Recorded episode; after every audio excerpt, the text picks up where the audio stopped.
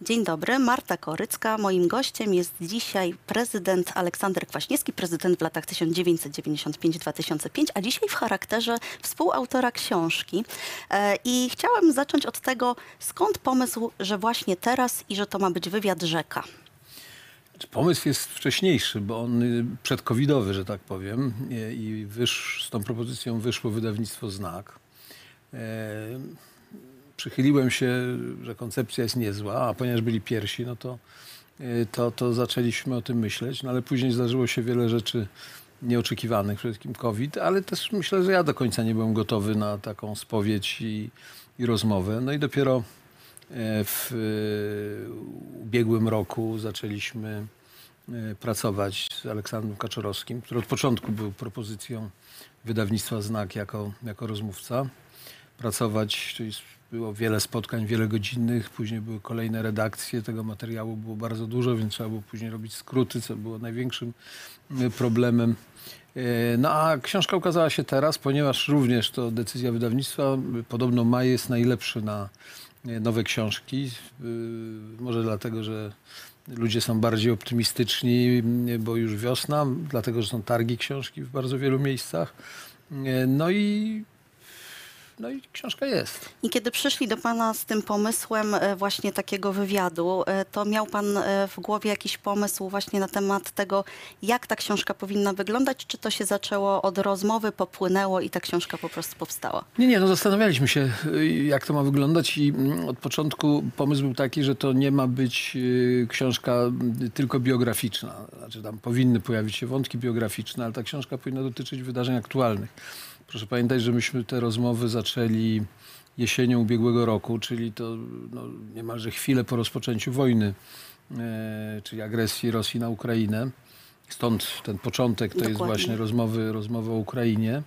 E, Więc koncepcja była taka, żeby rozmawiać o tym, co było, włączyć do tego wątki biograficzne, wątki związane z y, moją prezydenturą, ale też nie unikać kwestii aktualnych, to znaczy no to, co, co ludzi interesuje. I w tym sensie wydaje mi się, że się udało. To znaczy, że ta książka czyta się dlatego, że ona nie jest tylko związana z przeszłością, ale także dotyka spraw bieżących, aktualnych. Ta Ukraina to jest e, temat, który od wielu lat jest Panu bardzo bliski i też o tym wspomina Pan w książce, więc nie tylko wojna, ale też i pomarańczowa rewolucja i w ogóle e, wspomina Pan o tym, że cała historia rodziny też jakoś wiąże się z tamtymi e, ziemiami, z, ze wschodem, prawda? Znaczy, no, całej rodziny nie, bo moja E, mama tak, urodziła się w Wilnie, tak. to jest Litwa, natomiast ym, teść, czyli ojciec y, mojej żony, y, jest z Podrównego, czyli Mhm. on te problemy Ukrainy, a szczególnie tej rzezi wołyńskiej przeżył y, osobiście, uratował się, kiedy cała ich wieś została przez łupa spalona, więc ja znałem i te opowieści, znałem poglądy mojego teścia y, i także wiele dla mnie to mm, znaczyło. Przekonywałem go do, do tych aktów pojednania, które powinniśmy z Ukraińcami zrobić. I, i wiem, jaką satysfakcję mi przyniosły jego słowa, kiedy zaprosiłem go, zaprosiłem go na rocznicę e, tej zbrodni wołyńskiej do Pawliwki, e, gdzie razem z prezydentem Kuczmą, o tym w książce jest, jest z Kuczmą, no, obchodziliśmy, upamiętnialiśmy te, te, te ofiary. E, On bardzo miał dużo wątpliwości, czy tam jechać, czy, czy nie. Ale po tym wszystkim, i, i, kiedy on zawsze mówił, to trz- trzeba mówić prawdę. I myśmy tam mówili prawdę, bo jeden, zresztą chyba rówieśnik mojego teścia, przemawiał tak bardzo e, dobitnie o tym, opowiadał o tym, co tam się stało. E, No i Julian po, po tym wszystkim powiedział, wiesz, miałeś rację. Czyli ma sens pojednanie, no bo my musimy poza wszystkim żyć także i w przyszłości wobec tego, co, co się wydarzy, a nie tylko tym, co było, co oczywiście trzeba znać, co trzeba uczciwie oceniać, ale to nie może być y, jakby no, blokada na, na jakiekolwiek kontakty y, w przyszłości. W książce można przeczytać e, i o historii pana rodziny trochę i tam się pojawia nawet taki fragment o tym, że pan e, babkę ziemniaczaną bardzo dobrze robi. To był pierwszy taki moment, kiedy ja poczułam, że to jest książka nie tylko o wielkim polityku, uznanym polityku, ale również o człowieku i że będzie to troszeczkę ujawnienie jakichś takich smaczków, haha, smaczków e, rodzinnych. Muszę przyznać, że babka ziemniaczana to też moja babcia i te strony, więc pan do dzisiaj e, babkę ziemniaczaną robi czasem? Tak, tak, tak. I mało tego uważam, że na taki okres jesienny, takiej, takiej smuty naszej listopadowej, to to jest świetne danie, bo jest sycące, jest rozgrzewające i do tego jeszcze jak się doda dobrą kiszoną kapustę, czy e, ogórki, czy marynowane grzyby, no to to jest e, znakomite. A receptura jest od, od babci, bo też babci z Wilna, która e, bardzo dobrze gotowała. Wilno było takim tyglem narodowościowym, więc ona znała recepty wielu kuchni ukraińskiej, polskiej, litewskiej, żydowskiej. W związku z tym tych dań pojawiało się dużo, a, a mnie to zawsze jakoś ciekawiło. E, I od razu mówię, ja lubię gotować, mnie to odpręża. Oczywiście jak to robię od czasu do czasu. Podejrzewam, że mnie to nie odprężało, jakbym musiał to robić codziennie. E, więc y, moja żona też świetnie gotuje, Ola, córka też świetnie gotuje, więc dla nas zorganizowanie jakiegoś wydarzenia mm, z gośćmi nie jest wielkim problemem. E, Natomiast ja właśnie wniosłem e, te, te przepisy babcine, że tak powiem. E, A babka stosunkowo prosty przepis, ale efekt całkiem dobry. Dokładnie. Spodobało mi się też to, jak pan opisał, że wy we trójkę świetnie gotujecie, a zięć świetnie sprząta. Tak, tak. No, dobry podział obowiązków. E, Czy jak był pan prezydentem, to znajdował pan w ogóle czas kiedykolwiek na to, żeby stanąć w kuchni i coś zrobić? No niestety rzadziej, czy rzadko wręcz. Y, Po pierwsze w pałacu mm, tego sobie, to sobie trudno wyobrazić, ale w tych wielkich apartamentach prezydenckich, które mieliśmy, kuchenka to była taka ciemna wnęka, gdzie w gruncie rzeczy tak rozwinąć się z gotowaniem nie było jak, bo ani nie było sprzętów, a miejsca było wszystkim bardzo mało. Natomiast już bardziej udawało nam się coś zrobić, jak byliśmy w tych miejscach wypoczynkowych, nazwijmy, czy tutaj niedaleko Warszawy, w Promniku, czy szczególnie w Juracie. A w Juracie była taka tradycja, bo tam wyjeżdżałem 15 lipca, taki sezon letni, to był 15 lipca, 15 sierpnia. 15 sierpnia już trzeba było być w Warszawie, bo był Dzień Wojska Polskiego. I pod koniec tego pobytu w Juracie ja robiłem pizzę dla całej ekipy, czyli dla całego Biura Ochrony Rządu, dla e, kucharzy, kelnerów, tych wszyscy, którzy z nami pracowali. To była spora grupa ludzi. Więc tych pizz różnych robiłem z osiem. Jedna wegetariańska, jedna na ostro, jedna z, z zieloną rukolą na wierzchu. No, a ciasto było absolutnie osobiście robione, bo uważam, że o, ktoś jak mówi, że robi pizzę, to musi się przyznać, czy robi ciasto, czy nie. Bo jak nie robi ciasta, to on jest Cienka czy taka gruba, nie, ja wolę cienką. Ja wolę cienką, taką nawet mm, dosyć mocno cienką, taką bardziej chrupiącą. No ale, ale sztuka zrobienia dobrego ciasta jest y, i szczególnie dopracowania go, to jest, to jest coś. Więc y, robić, zresztą moi ludzie już nie pracują, część z nich już, czy większość już jest y, poza służbą. Do dzisiaj wspominają to, no bo to było zawsze takie podsumowanie sezonu letniego. Do tego było trochę dobrego wina, trochę piwa. Nie, Siedzieliśmy na tarasie, te pizze były wnoszone. Ja cały czas zasuwam w kuchni, no bo ktoś musiał to robić. Tego się nie dało od razu włożyć wszystkiego. Ale, ale jak mówiąc, ćwiczyłem, ćwiczyłem to. To był jakiś taki też oddech troszeczkę od tego, co na co dzień pan miał, no bo y, w książce czytamy, że wstawał pan prawie skoro świt i do północy często A, pracował dłużej, albo i tak. dłużej, prawda? Tak, tak, nie. Ja zresztą w ogóle uważam, że gotowanie to jest jedna z ciekawszych form odprężenia, takiego szukania relaksu. Y, Jak byłem, wykładałem ym, na Georgetown University w Waszyngtonie, y, część wykładów to był leadership poświęcony przywództwu. No i jeden z tematów to był, jak ten przywódca powinien odpoczywać. I wtedy ja dawałem takie rady, że e, przede wszystkim na przykład uprawiać sport. Czyli każda forma sportu jest dobra i dla zdrowia, ale też dla odprężenia psychicznego, ale nie każdy sport tak samo odpręża. Na przykład świetnie odprężają te sporty, gdzie całkowicie trzeba skoncentrować się na tym, co robimy. Na przykład tenis. Tenis, jest piłka, jest przeciwnik. Jak jesteś nieskoncentrowany, zaraz widzisz to w wyniku, przegrywasz. Świetne są narty, no bo wymagają też cały czas koncentracji. Nie koncentrujesz się, leżysz. E, Już gorzej jest z bieganiem, bo w bieganiu jak ten oddech się uspokoi, no to znowu ten film w głowie zaczyna się kręcić, co mam zrobić, co zrobiłem dobrze, co zrobiłem źle. Nie, nie, nie, nie, mówię, żeby tego nie robić, ale bardzo trudne dla takiego psychicznego odprężenia jest pływanie, szczególnie w basenie, bo jak w basenie pływasz od ściany do ściany, to wręcz trzeba o czymś myśleć, bo Tak. inaczej z nudów można zwariować. No ale mówię, jeżeli nie macie okazji uprawiać sportu, to bardzo dobre to jest gotowanie. I to było zdziwienie moich studentów. Jak to gotowanie? Szczególnie w Ameryce. W Ameryce nie mają szacunku do gotowania. Żyją na tych fast foodach, co jest zresztą straszne. E, szczególnie ci właśnie studenci. Ja mówię, no słuchajcie, wyobraźcie sobie, że chcecie się odprężyć. zapraszacie swoich przyjaciół, kolegów do, na, na jakieś danie, wymyślacie to danie.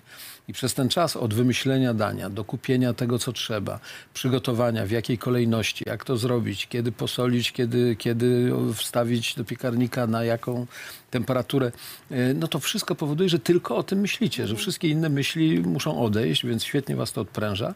E, Po drugie, na stół podajecie jakiś konkret, co szczególnie dla polityka jest ważne, bo polityk bardzo rzadko podaje konkret na stół, bo nawet jak przyjmujemy ustawę, czy jest podjęta decyzja, to czy ona się sprawdzi, czy nie, to są lata często. Muszą minąć. I jeżeli macie jeszcze prawdziwych przyjaciół, to jeszcze macie dodatkowy efekt tego. Nie dość, że odprężeni, nie dość, że stworzyliście jakiś konkret, to jeszcze wszyscy powiedzą, że było bardzo dobre, czyli macie satysfakcję. Więc bardzo namawiam do gotowania i też namawiam wszystkich, że, żeby, żeby próbować gotować. Tego się można po pierwsze nauczyć, a po drugie to świetnie odpręża. Od gotowania przejdziemy do mody na chwilę, bo zauważyłam, że ma pan dzisiaj na sobie granatową koszulę, a te niebieskie koszule to jest coś, co ja pamiętam z pana pierwszej kampanii prezydenckiej. O tym się dużo mówiło, bo to było coś takiego w stylu y, Kennedy'ego troszeczkę, takie, że on y, wygrał wizerunkiem też, co było ważne, nie tylko tym, co mówił. U pana te niebieskie koszule się też nie wzięły znikąd. Nie, nie, no była rada takiego y, znanego francuskiego specjalisty od wyborów, Jacques'a Segueli, który y, namówiony przez mojego przyjaciela też z zagranicy przyjechał, a, a zaciekawiło go nie, nie to, y, nie tylko kto ja jestem, ale przede wszystkim to, że ja walczę z Wałęsą, który dla całego Zachodu był no, takim symbolem. I wydawało się, że to jest w ogóle niemożliwe, żeby y, z Wałęsą można było wygrać. I on przyjechał, zobaczył naszą kampanię, pochwalił bardzo wiele elementów, które myśmy tutaj w Polsce robili, wymyślili, ale dał kilka rad. Jedna z tych rad to była, żeby nosić yy, niebieskie koszule, dlatego że mam niebieskie oczy. W związku z tym te niebieskie koszule jeszcze bardziej podkreślają niebieskie oczy i tak to, tak to było. Później yy, nosiłem jeszcze trochę, a później mi się znudziło, bo uznałem, że no to jest jednak zbyt, zbyt jednostronne, żeby, żeby tylko w koszulach niebieskich występować. Nie. No a teraz od czasu do czasu nakładam też granatowy. Nie chciałabym zdradzać za dużo e, takich smaczków z tej książki, ale jeszcze jedna koszula tam się pojawia i to jest koszula księcia Karola, która zrobiła na panu bardzo duże wrażenie w trakcie wejścia jego e, do kościoła, gdzie okazało się, że ma taki bardzo ekstrawagancki frak. No tak, a to, to odsyłam do książki, bo to jest cała opowieść, bardzo istotna. Y, Chodzi o specjalny kod, dress code, jak mówią Anglicy, czyli zasady ubierania się.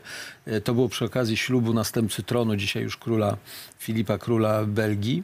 I okazuje się, że jak jest się wtedy księciem Walii, a dzisiaj królem, to można sobie pozwolić na ekstrawagancję. My, prości ludzie, musimy być ubrani jak spod igły w tym stylu, jaki protokół wymaga, a książę Karol może robić co chce.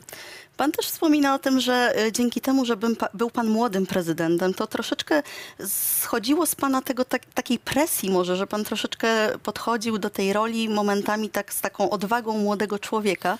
E, I chciałam zapytać o to, czy był taki moment, kiedy pan poczuł tę odpowiedzialność? Był taki jeden moment, kiedy pana, nie wiem, uderzyło to, jestem prezydentem. Wie pani, to- uderzenie jest potężne, bo to się jednak zaczyna, czy jesteś młody, czy nie młody. No to z, z, inauguracja prezydentury, złożenie przysięgi w, przed Zgromadzeniem Narodowym. Później już y, byłem y, i przyjmowałem em, y, y, zwierzchnictwo sił zbrojnych. Tam trzeba było, to w Mińsku Mazowieckim zorganizowano w pułku lotniczym, y, gdzie musiałem y, y, przejąć te insygnia, że tak powiem, y, ucałować sztandar. Y, to, to, to się odczuwa. To, Nie tylko, że czujesz, że wchodzisz zupełnie w nową rolę, że z tym jest związana odpowiedzialność, ale też masz to poczucie, że mnóstwo oczu jest y, skoncentrowanych na tobie, że jesteś w środku wydarzeń, czyli potkniesz się źle, coś źle powiesz też niedobrze y, i tak dalej. Wie- Więc to, to się czuje. No, później to poczucie jest y, no właśnie weryfikowane każdego dnia, no bo są decyzje do podjęcia. Jak to są decyzje proste, no to okej, ale czasami decyzje są skomplikowane. I pani jest cały taki na przykład zestaw decyzji, które należą tylko do mm, prezydenta, to jest jego prerogatywą, znaczy kwestia ułaskawień gdzie ludzie się zwracają w dramatycznych czasami sytuacjach y, życiowych. Y, I, I ten prezydent może oczywiście, ale musi ważyć rację i, i tych osób pokrzywdzonych przez tą osobę i tej osoby, która... Tak dalej. Także y, ciężar prezydentury jest duży i dam pani też taki przykład, że Wtedy nas grupa młodych ludzi, stosunkowo młodych ludzi, czyli 400-latków, zaczynała e, obejmować stanowiska. To był Clinton w Stanach Zjednoczonych, to był Blair w Wielkiej Brytanii, później Obama, też stosunkowo młody człowiek. Proszę zauważyć, ja, wszyscy zaczynaliśmy mając normalny kolor włosów i wszyscy skończyliśmy osiwiali. Mimo, że też nie byliśmy starymi ludźmi. Ja skończyłem prezydenturę mając 51 lat. Okazuje się, że to jest taki wydatek energetyczny, nie, psychiczny, że jednak y, to się odbija. Ja czasami jak widzę dzisiaj mm, e, Baracka Obamy, to uważam, że, że, że on już nie bardzo różni się od Morgana Freemana, no to jest dokładnie tak samo, tak samo wyglądają. Ale to pokazuje, jak, jak to jest, ym, y, jaki to jest ciężar. A, a, a mówię, pani, są momenty no, sukcesu. Jedna z najbardziej radosnych to było wygranie referendum przed wejściem do Unii Europejskiej, kiedy myśmy naprawdę tańczyli ze sobą, nie patrząc na kamery, e, cieszyli się z tego, z tego e, wyniku. No ale są też takie momenty, kiedy e, byłem na pogrzebie w Szczecinie żołnierza, oficera, który zginął w Afganistanie gdzie był z polską misją. I kiedy składam kondolencje, widzę, że córka tego oficera jest córką w wieku mojej córki. No są, no, cóż tu można powiedzieć, no, poza tym, że, że, że, no, wielka szkoda, ale jednocześnie no, wypełniał misję w imieniu Rzeczpospolitej, czyli no, zginął na, na posterunku. Takich sytuacji było bardzo, bardzo wiele i ten ciężar, mówiąc szczerze, prezydentury czuje się od pierwszej chwili. E, Dla żony to też było coś zupełnie nowego, bo ona e, weszła w rolę, której tak naprawdę w Polsce nie mieliśmy tak e, do końca ustalonej, prawda? Bo Danuta Wałęsa e, też nie była taką pierwszą damą bardzo angażującą się w sprawy społeczne. E, Pana żona natomiast podjęła tę rękawicę i założyła chociażby fundację. No tak, nie, ja uważam, że w ogóle y, moja żona stworzyła instytucję pierwszej damy tak naprawdę I, i ja ją za to podziwiam, jestem niezwykle wdzięczny i uważam, że wypełniała tę rolę wspaniale. Bo to nie tylko chodzi o jej aktywność, ale no, na przykład tego nikt nie wie, ale jak zostałem prezydentem, ona podjęła mm, szybko e, uczenie się angielskiego, no bo wiedziała, że ten angielski będzie jej potrzebny. I po, po niedługich miesiącach już się całkiem nieźle komunikowała. No, do tego stopnia, że, że z królową brytyjską była w stanie rozmawiać. Więc y, to, to był, wtedy nie było stylistek, nie było modystek, nie było niczego. To wszystko ona organizowała sama. A to też było bardzo y, p- pomocne, bo nie tylko, że była aktywna, nie tylko, że udzielała się w tych y, różnych akcjach charytatywnych, ale była zawsze świetnie wyglądającą i taką podobającą się y, kobietą, więc y, to dla prestiżu Polski, dla wizerunku miało mm, duże znaczenie. Y, Przy tym no, byliśmy młodzi, więc jak mówię, czasami y, brak doświadczenia jest pomocą, bo, bo, bo nie czuje się tych wszystkich obciążeń. Jesteśmy po prostu odważniejsi. No ale ta odwaga była sensowna, bo rzeczywiście y, myśmy modernizowali tą prezydenturę. Ona ma ogromny wkład i zresztą niektórzy analitycy y, słusznie uważają, że y, sukces mojej prezydentury to jest w ogromnej części jej zasługa i, i, i, i chwała jej za to i, i moja wdzięczność. Przy tym proszę pamiętać, że to ona też w tym czasie, mimo tych wypełniania protokolarnych obowiązków pierwszej damy, czyli obecności ze mną na różnych wyjazdach i tak dalej, mimo swojej działalności y, charytatywnej, y, no, konieczności y, udziału w różnych wydarzeniach, ona cały czas też zajmowała się przede wszystkim córką, wychowaniem jej, a Ola była w takim kluczowym wieku, no bo jak weszliśmy do pałacu, ona miała 14 lat, jak wychodziliśmy, miała już 24. No właśnie, no placu zabaw w Pałacu Prezydenckim nie trzeba było robić, bo już była w wieku nastoletnim, ale to jednak jest taki moment, kiedy z dziewczyny stajesz się dorosłą osobą. Myślę się, że to nie, nie było jakieś super łatwe, żeby być na świeczniku, y, a ona na takim świeczniku była. Była, ale sobie też dała radę. Ona zresztą bardzo unikała, mówiąc szczerze, tego świecznika. Ona starała, na, na dwa sposoby unikała. Po pierwsze starała się nie- robić kłopotów, co może czasami było z jej strony dużym poświęceniem, no bo to też jest okres trochę takiego szaleństwa. Mówię o Kiedy możemy o sobie córce, pozwolić kiedy można na to. pozwolić, więc ona starała się nie robić tych kłopotów, a po drugie też unikała bardzo właśnie bycia y, mocno obecną w- mediach, czy, czy, czy, czy, czy na przykład na naszych wyjazdach. Ona zaledwie Myślę, że ona brała udział tylko w dwóch wyjazdach, jeżeli dobrze sobie przypominam, tych oficjalnych. Była raz w Watykanie z nami, raz była, kiedy byliśmy w Hiszpanii y, u króla, zaproszeni przez króla Hiszpanii. Więc muszę powiedzieć, że te, dwie moje kobiety, które, które były wokół mnie, to, to, to był wielki atut i wielka pomoc i stąd moja wdzięczność dla nich za, za wszystko, co zrobiły, za tą miłość, którą mi ofiarowały. Piszę o tym w dedykacji, było to tym żonie Joli i córce Oli. Ta książka jest dedykowana. No, żona nawet była przecież e, taką, według niektórych, dobrą kandydatką na pana następczynię. No, nie dość, że była, to teraz jak podpisywałem książki w, na Stadionie Narodowym, to bardzo dużo ludzi podchodziło, żeby żona kandydowała. I czy ja mogę ją przekonać? Ja mówię, no będzie trudno, ale powtórzę, co pan, pani mi powiedziała, że, że oczekują, że będzie kandydowała. No, moja żona dokonała innego wyboru. Ja uważam, że gdyby startowała wtedy, nie wiem jakby to było, ale szanse byłyby duże. To moim zdaniem to nie byłaby kandydatura taka dziwaczna. Tak. E, e, No ale to wymagałoby od niej całkowicie zmiany wszystkiego. A moja żona oczywiście interesuje się polityką, no, uczestniczyła w polityce chcąc, nie chcąc, ale jej wybór jest inny. Ona chce być właśnie skuteczna w różnych formach pomocy dla ludzi, w działaniach społecznych, działaniach charytatywnych. Stworzyła fundację Porozumienie Bez Barier, która przez wiele, wiele lat naprawdę czyni mnóstwo dobrego. Teraz w ostatnich latach byli bardzo zaangażowani w pomoc y, y, Ukrainie, y, relokację, uciekinie tych uchodźców z Ukrainy. Ostatnio żona jej fundacja organizowały taki mentoring, czyli program dla liderek kobiet, które powinny być liderkami na Ukrainie. Także to, to jest jej wybór, to jest, to jest jej emploi, że tak powiem.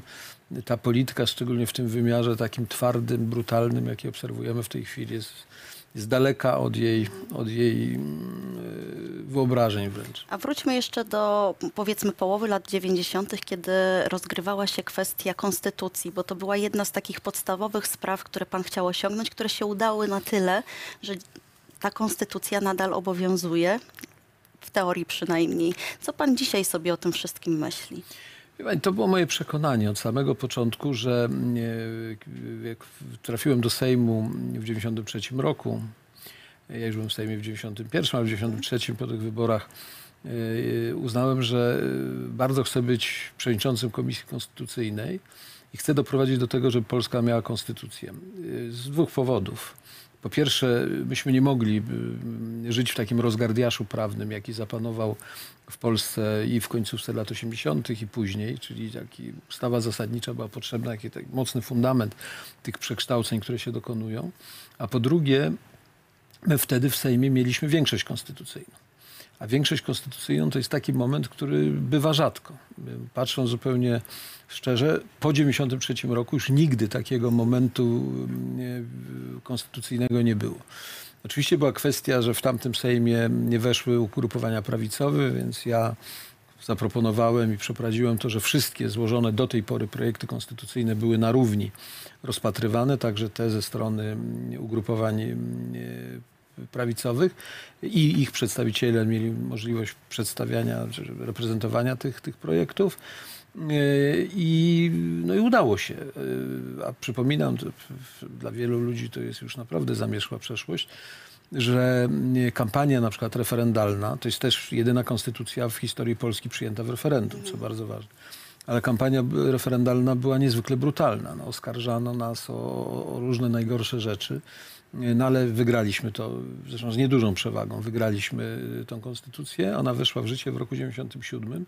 Służy Polsce 20 już 6 lat, czyli najdłużej ze wszystkich konstytucji, jakie Polska miała. Oczywiście niektórzy chcą ją omijać, niektórzy chcą ją wręcz gwałcić i zmieniać, ale jak przychodzi co do czego, to wszyscy chętnie opierają się na tej konstytucji, tłumaczą, że widzicie, my możemy to zrobić, bo konstytucja pozwala, albo nie możemy tego zrobić, czego wy oczekujecie, bo konstytucja nie pozwala. Więc ona jest, ona jest żywa. I ostatnia uwaga o konstytucji, którą chcę powiedzieć.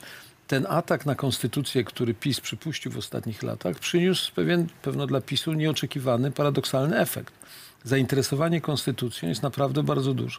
Przez wiele, wiele miesięcy konstytucja była najlepiej sprzedającą się książką w Polsce.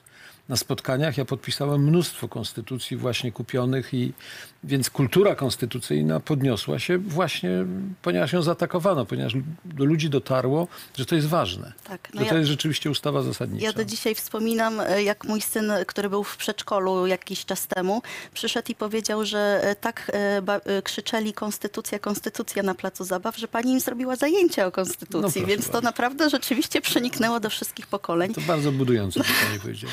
Mam też wrażenie jednak takie może trochę smutne, że to, co się udało zbudować e, przez, przez lata, e, no teraz mamy taki podział w społeczeństwie, który w jakiś sposób zaprzepaścił to, co przez te 20 czy 30 lat nam się udało zrobić i nawet gdyby coś się zmieniło, to ciężko by było to chyba odbudować. No, w, moim przekonaniu, jeżeli będziemy kiedyś mm, robić rachunek mm, e, e, PiS w swoim sumieniu, a my wobec PiSu, to ten podział społeczny, który się dokonał w ostatnich latach, jest jednym z największych grzechów, jakie popełniono. Bo w ogóle podziały wśród ludzi są, to jest naturalne, tylko w moim przekonaniu państwo może działać lepiej, kiedy tych podziałów jest mniej, a tam, gdzie one są, są jednak łagodzone, czy wręcz mm, zasypywane. E, Ja powiem szczerze, dla każdej z wielkich spraw, którą udało mi się osiągnąć, czy to konstytucja, czy Unia Europejska, czy NATO, była potrzebna zgoda ponad podziałami partyjnymi. Gdybyśmy wtedy zaczęli się kłócić, jedni tak, drudzy nie, prawdopodobnie niewiele by się dało zrobić. Więc y, ten, te podziały w Polsce są bardzo głębokie. One przebiegają przez rodziny, one przebiegają y, w różnych środowiskach. Y, Mamy profesorów y, za władzą i przeciwko władzy, mamy lekarzy za i przeciw, mamy y, rolników za i przeciw. Właściwie wszędzie te podziały są obecne. No i y, mam nadzieję, że ta, ta, ta władza pisowska y, skończy się, że oni przegrają wybory najbliższe, ale zadaniem nowej władzy będzie właśnie nie trzymanie się tych podziałów i nie utrwalanie ich, ale budowanie jakichś mostów, szukanie, szukanie wspólnoty. No bo jeżeli nie, to my wytracimy kolosalny kapitał społeczny, który, który powinniśmy umiejętnie wykorzystywać. No ale Zobaczymy. No.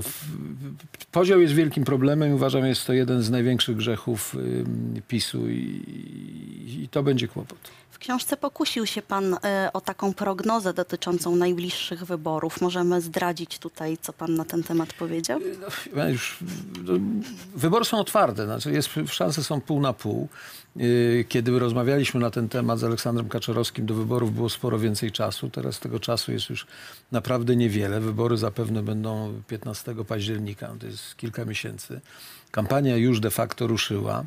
Yy, Jak się ogląda sondaże, to widać, że kraj jest podzielony mniej więcej pół na pół, więc jest bardzo prawdopodobne, że o ostatecznym wyniku wyborów zadecyduje ta ciężka praca, którą partie polityczne muszą w czasie kampanii przeprowadzić, ale też mogą zadecydować jakieś y, w sumie drobiazgi, to znaczy jakaś niemądra wypowiedź trzy tygodnie przed wyborami, jakiś skandal, który wyjdzie też krótko przed głosowaniem. Zobaczymy, ale ci, którzy sądzą, że już wygrali, na pewno nie wygrają, a ci, którzy nie mają pewności, że mogą wygrać, niech uwierzą, że mogą. Moim, No mamy- zdaniem, moim Mhm. zdaniem szanse dziś są pół na pół. Mamy takie przykłady z historii, chociażby pierwsze wybory, w których pan brał udział prezydenckie, to była ta debata, która tak naprawdę zmieniła w dużej mierze, jedno zdanie zmieniło e, sytuację. Bronisław Komorowski do prawie samego końca był też przekonany, że jest na bezpiecznej pozycji. Okazało się, że nie do końca. To są nauki, które, które powinno, wszyscy, którzy organizują kampanię, wszyscy liderzy polityczni, kandydaci powinni sobie e, te lekcje odrobić, bo jak mówię, czasami jedno głupstwo, czasami jedno zaniechanie może całkowicie odmienić dynamikę kampanii. Ja obiecałam sobie, że zapytam pana jeszcze o taką rzecz. Spotkał pan w swojej e, karierze politycznej, a także myślę, że również po e, skończeniu, prezydentury wiele osób, no takie to są osoby, które są naprawdę znane, poważane. E, Zresztą opisuje pan wiele z nich w tej książce, ale nie wspomniał pan w niej o tym, czy był taki moment, kiedy pan miał coś takiego, takie poczucie fanowskie, że bardzo się pan cieszył na spotkanie, że tę osobę właśnie pozna, że ta osoba pana zaskoczyła. Czy był taki moment, taka jedna osoba? Nie wiem, bardzo, nie, sporo osób, no bo uważam, że wie pani, jak się przygotowuje do takiej wizyty, y, czy w Polsce Elżbiety II, czy y, cesarza Japonii, no to w tym jest mnóstwo fanów. No. O Elżbiecie jest dużo w tej książce, ale na przykład y, ustalanie menu dla pary cesarskiej, japońskiej, no to była prawdziwa y, epopeja, no bo szukaliśmy różnych dań, dowiadywaliśmy się, co, co y, oni jedzą, co lubią i tak dalej. I y, to chyba nawet moja żona właśnie wpadła na pomysł, że może ponieważ y, y, mówi się o, o, o tym, że Japonia to jest, to, jest, to jest kraj kwiatu wiśni i tak dalej, to przygotujemy zupę wiśniową. No i taką zupę kucharze przygotowywali, to było próbowane, nie wszystko udawało się. W końcu coś było takie akceptowalne, taka słodko-kwaśnawa zupa, bardzo ciekawej konsystencji y, i trochę odwrotna od y, flagi japońskiej, bo flaga japońska to jest na białym tle czerwone koła, a ta zupa była bardziej takie różowe y, Z białym z kleksem. białym na, na, na środku.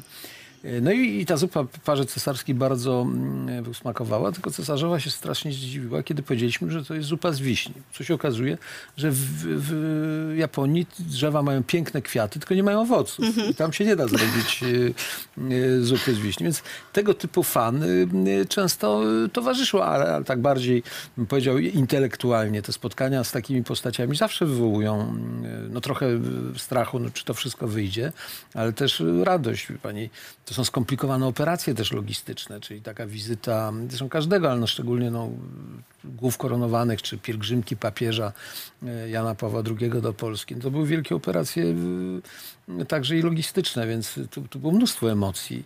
E, Ale też cieszyłem się, kiedy, kiedy spotykałem już, by, bo nie wszystkie wizyty były takie bogate, że tak powiem, w oprawę. Ale ze względów czysto ludzkich, na przykład zawsze wiele radości nam dawały e, spotkania z, z państwem Hawlami, z, z Wacławem Hawlem, prezydentem Czech i jego żoną, aktorką Dagmarą. Oni już jak skończyli prezydenturę, jeszcze byłem prezydentem, zaprosiłem, zaprosiliśmy ich na, na takie trochę wakacje w Juracie u nas, gdzie e, Havel sobie obiecywał, że będzie pisał książkę.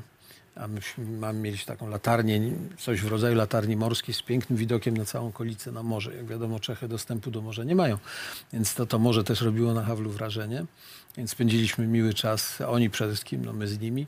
I w książce, która później się ukazała, jest taki fragment, gdzie Havel pisze, mój dobry przyjaciel Aleksander Kwaśniewski zaprosił mnie tam do Juraty. ty- No i było tak, miałem ochotę pisać tam książkę, ale wchodziłem na tą wieżę, patrzyłem na to morze i już myślałem, że zacznę pisać tę książkę, ale było tak pięknie, że w gruncie rzeczy mi się nie, nie udawało. Więc okazuje się, że, że, że warunki go nieco, że tak powiem, rozleniwiły. Ale z nimi było zawsze, wie pani, mógłbym, mógłbym wspomnieć bardzo wiele osób, z którymi także y, właśnie kilka, wczoraj dostałem wiadomość, yy, nie wczoraj, w niedzielę dokładnie, o śmierci żony Waldasa Adamkusa, prezydenta Litwy, Almy. Też mieliśmy z nimi bardzo bliskie kontakty. To pani Adam Kiene, pierwsza dama Litwy, była niezwykle miłą osobą, czarującą, elegancką. E, I też byliśmy w takich bardzo zażyłych e, relacjach. E, Z, z, z ich wizytą znowu jest inna anegdota związana, chyba tego w książce nie ma. Odwiedzili nas w Juracie, bardzo im się tam podobało. Myśmy wtedy mieli dwa nieduże owczarki niemieckie. No i siadamy już do kolacji, okazuje się, owczarki gdzieś zginęły. Nie ma ich, a tam duży teren, więc przerażenie, więc ta kolacja się nie zaczyna, zaczynam szukać. No, Yy, w końcu się znalazły w najmniej oczekiwanym miejscu, bo w jednym z pokoi spały sobie spokojnie w łóżku yy, te owczarki, więc jak ile razy spotykałem się z Waldasem, Adamkusem, zawsze mnie pytał, a jak tam u twoich owczarków, czy wszystko dobrze, to były dwie słuczki. Więc wie pani, yy, tego typu fanu, jak, jak to w życiu bywa mnóstwo, ale to jest połączone i z odpowiedzialnością, i czasami właśnie z niepokojem, jak to wszystko się uda. Ym, Czasami goście byli bardzo trudni. No, jednym z takich trudnych gości już wtedy, mimo że to nie był jeszcze dzisiejszy Putin, ale, ale, ale wizyta Putina w Polsce, w Warszawie i w Poznaniu to były takie trudne wizyty, a później rozmowy z nim już jak przeszła, to w książce akurat jest, pomarańczowa rewolucja, to wręcz były nie, nieprzyjemne. I tak dalej i temu podobne. Namawiam do przeczytania książki, bo inaczej panią zagadam. E, Ja bardzo z wielką przyjemnością tego słucham i książkę też właśnie czytałam z wielką przyjemnością i zainteresowaniem, bo em, ona przybliża często te postaci, których my e, no, gdzieś tam może czytaliśmy coś, albo z jednej strony to jest wielka historia, z drugiej strony to są zwykli ludzie, e, bo wie pan, pan wspomniał o tym, że czasem się ma takie, taki dystans, że to jest jakaś taka ważna osoba. Ja nie ukrywam, że jak spotykam prezydenta, to też mam pewien taki ale z drugiej strony to jest piękne, że też mogliście ze sobą rozmawiać, że to były takie przyjaźnie też się z tego czasem wywiązały. Tak, no, na pewno takie do, dobre relacje, z niektórymi bardziej, no, najbardziej zaprzyjaźnieni, bo bardzo długo współpracowaliśmy ze sobą. E, To jest e, Kuczma i jego żona, czyli prezydent e, Ukrainy. e, jego e, Ludmiła, jego żona. Myśmy też, później po prezydenturze też mieliśmy wiele kontaktów jeszcze. Także nie, wie pani, jeżeli miałbym powiedzieć, czy fanem jest być prezydentem, to ja powiem tak. I więcej pani powiem. Uważam, że ktoś, kto nie podchodzi do tego obowiązku z jakąś radością, właśnie z takim optymizmem, z przekonaniem, że można zrobić wiele wielkich rzeczy, ale, ale przy tym też przeżyć coś fascynującego, to nie powinien ani kandydować, ani się tym zajmować. Ja uważam, że prezydent, który cierpi na swoim stanowisku, nawet jeżeli on cierpi za miliony, jak to poeta pisał, to też nie będzie dobrym prezydentem. No a potem ma się 51 lat i kończy się y, y, stanowisko, które no nie wiem, czy można wyżej w Polsce zajść. Więc jak pan się z tym czuł w tym momencie? Myślał pan, no bo trafiło się panu, jak wspomina w książce, bardzo dobrze, że udało się przejść łagodnie tę drogę. Ale był chyba taki moment, co ja mam dalej zrobić ze swoim życiem? Gdzie mogę dalej pójść? Nie, nie, no to, to jest, wie pani, w ogóle y, przejście z, z, z takiej aktywnej roli prezydenckiej do tej nieaktywnej nie jest y, proste. Y, I ono, właśnie porozmawiałem o tym z moimi kolegami, wszystkim zajmuje mniej więcej około dwóch lat. Żeby zmienić rytm życia, żeby trochę odetchnąć y, wolnością, y, to, to, to nie jest y, prosta zmiana.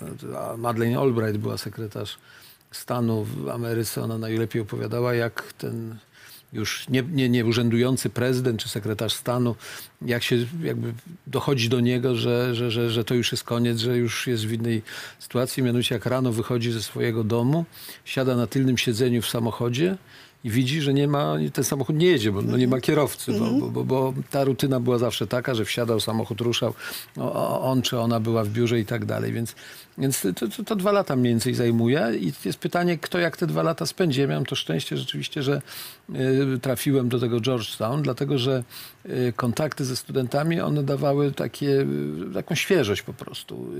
Raz, że można było wiele kwestii w związku z wykładami sobie uporządkować, w głowie, a dwa, że często pytania studentów takie nawet dość naiwne bym powiedział w pierwszej chwili, bo no, o co on mnie pyta, to takie proste, że one odkrywały jakby inną stronę historii. One kazały spojrzeć na to inaczej, bo, bo, bo, w, tym, w tej naiwności było rzeczywiście zawarte mnóstwo, mnóstwo, sensu.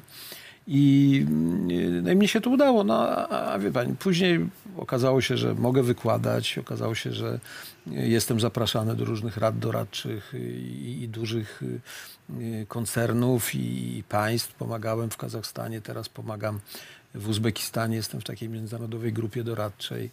Ja ostatnio uczestniczyłem w przygotowaniu nowej konstytucji Uzbekistanu. Także jest co robić. No ważne też, że myślę, w moim przypadku, co, co jest y, pomocne, mianowicie ja byłem dwie kadencje. Drugą kadencję wygrałem w pierwszej turze i nie mogłem być więcej. Czyli jest takie uczucie spełnienia. Przez siebie.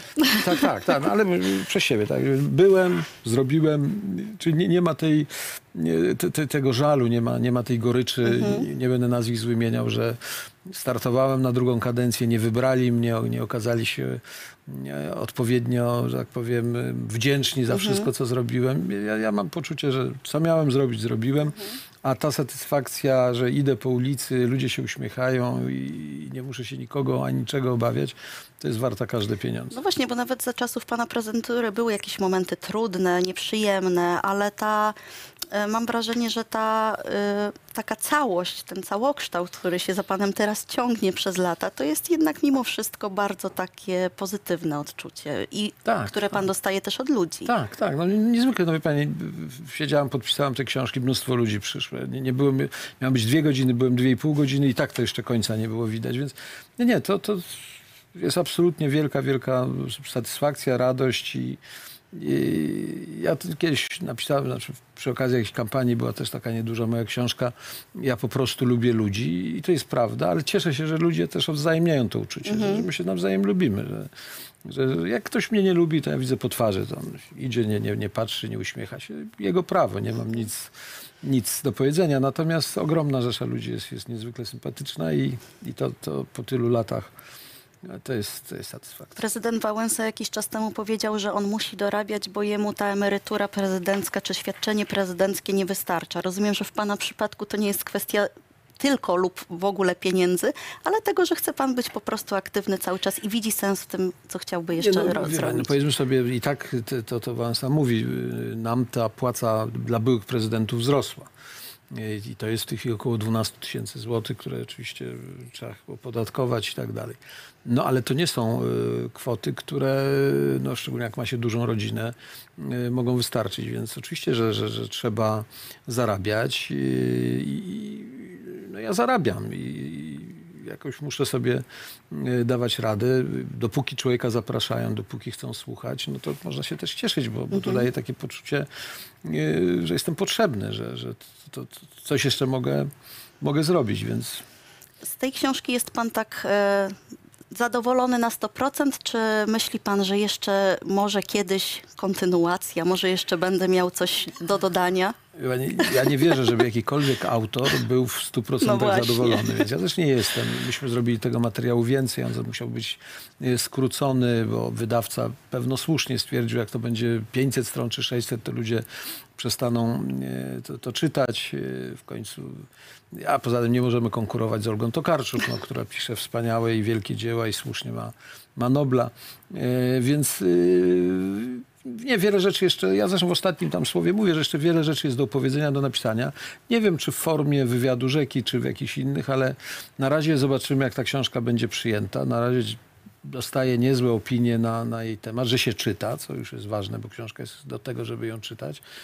A co będzie w przyszłości, zobaczymy, ale Wie to pan, nie jest moje ostatnie słowo. Książka Danuty Wałęsy była takim bestselle- bestsellerem, że chyba Olga Tokarczuk tutaj też nie dała rady, więc zobaczymy, jak będzie tutaj. Nie, nie. No, książka Danuty Wałęsy była rzeczywiście bardzo dobrze zrobioną książką y, i, i, i ważną, bo ona pokazywała tą historię właśnie z, z innej strony, tej, tej, tej oddanej kobiety, żony, która, która pomaga mężowi, co często jest niedoceniane, więc y, myślę, że, że, że, że sukces tamtej książki miał swoje głębokie uzasadnienie, a jak będzie z tą książką, zobaczymy, ale tak czy inaczej namawiam, żeby kupić i Dokładnie. czytać. A namawia pan też żonę, żeby dołożyła swoją cegiełkę może? No ja myślę, że ona będzie przygotowywała książkę, bo zdaje się tam podchody do niej są w tej chwili na dużą skalę. No nie dziwię się. E, bardzo panu dziękuję za rozmowę. bardzo. bardzo się cieszę, że był pan naszym gościem. Dziękuję bardzo. Dziękuję bardzo.